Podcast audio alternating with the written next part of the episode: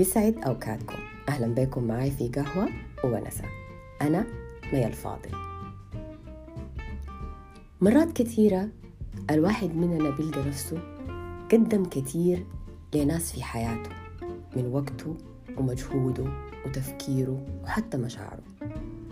عشان يساعدهم أو يدعمهم أو يساندهم. وفي النهاية ما سلم من جحودهم أو أذيتهم العطاء يعني إنك تدي بدون مقابل. العطاء ممكن يكون مادي زي مال أو مسكن أو ملابس إلى آخره. وممكن يكون عطاء معنوي زي وقتك وتفكيرك ومجهودك ومشاعرك.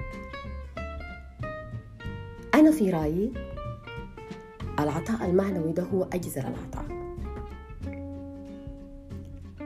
العطاء وسيلة بتخلي حياتنا أحسن لأنه في حد ذاته العطاء قيمة إنسانية كبيرة بتخلي الواحد يتجرد من الأنانية وحب النفس وحب التملك.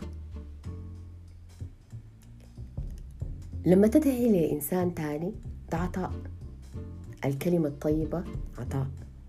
لما تقبل عذر إنسان وتسامحه ده عطاء. مساعدة الآخرين ده نوع من أنواع العطاء برضه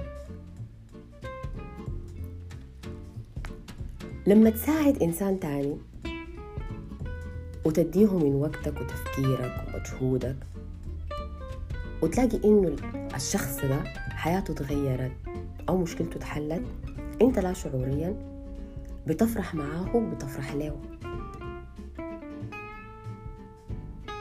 للأسف في بعض الأحيان العطاء ده بيتحول لالتزام غير مقصود على المدى الطويل.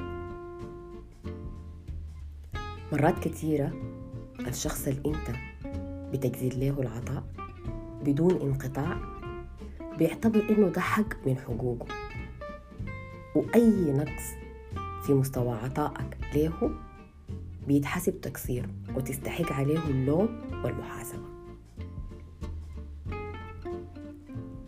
لما الإنسان يحس إنه أجزل في العطاء وما لقى أي نوع من الامتنان أو التقدير لا شعوريا بيتوقف عن العطاء للجميع. عشان كده لازم نذكر نفسنا دايما إنه عطائنا ده ما التزام وبالتالي نحن ما مفروض إنه نحاسب إذا اتراجعنا عنه أو قصرنا فيه وما مفروض إنه أذية الناس أو جحودهم أو فهمهم الخاطئ لمواقفنا يأثر علينا وعلى عطائنا ما مفروض إنه نتوقف عن العطاء لأنه دايما في شخص بيستحق العطاء ده. مؤكد في ناس كثيرة مننا حست في لحظة من لحظات حياتها إنها أجزلت العطاء واكتشفت إنها خسرت كثير من وقتها وتفكيرها ومجهودها ومشاعرها وقوبلت أو قوبل العطاء بالجحود. لكن الأكيد إنه عطائهم ده حيرجع لهم. اعطي اعطي فقط وسيعود إليك. سيعود إليك بصورة مختلفة. اعطي بلا مقابل. ما تنسوا تشتركوا في القناة وممكن ترسلوا لي آرائكم واقتراحاتكم في رسالة صوتية صغيرة على بريد البودكاست. لغاية الأسبوع الجاي كونوا بخير.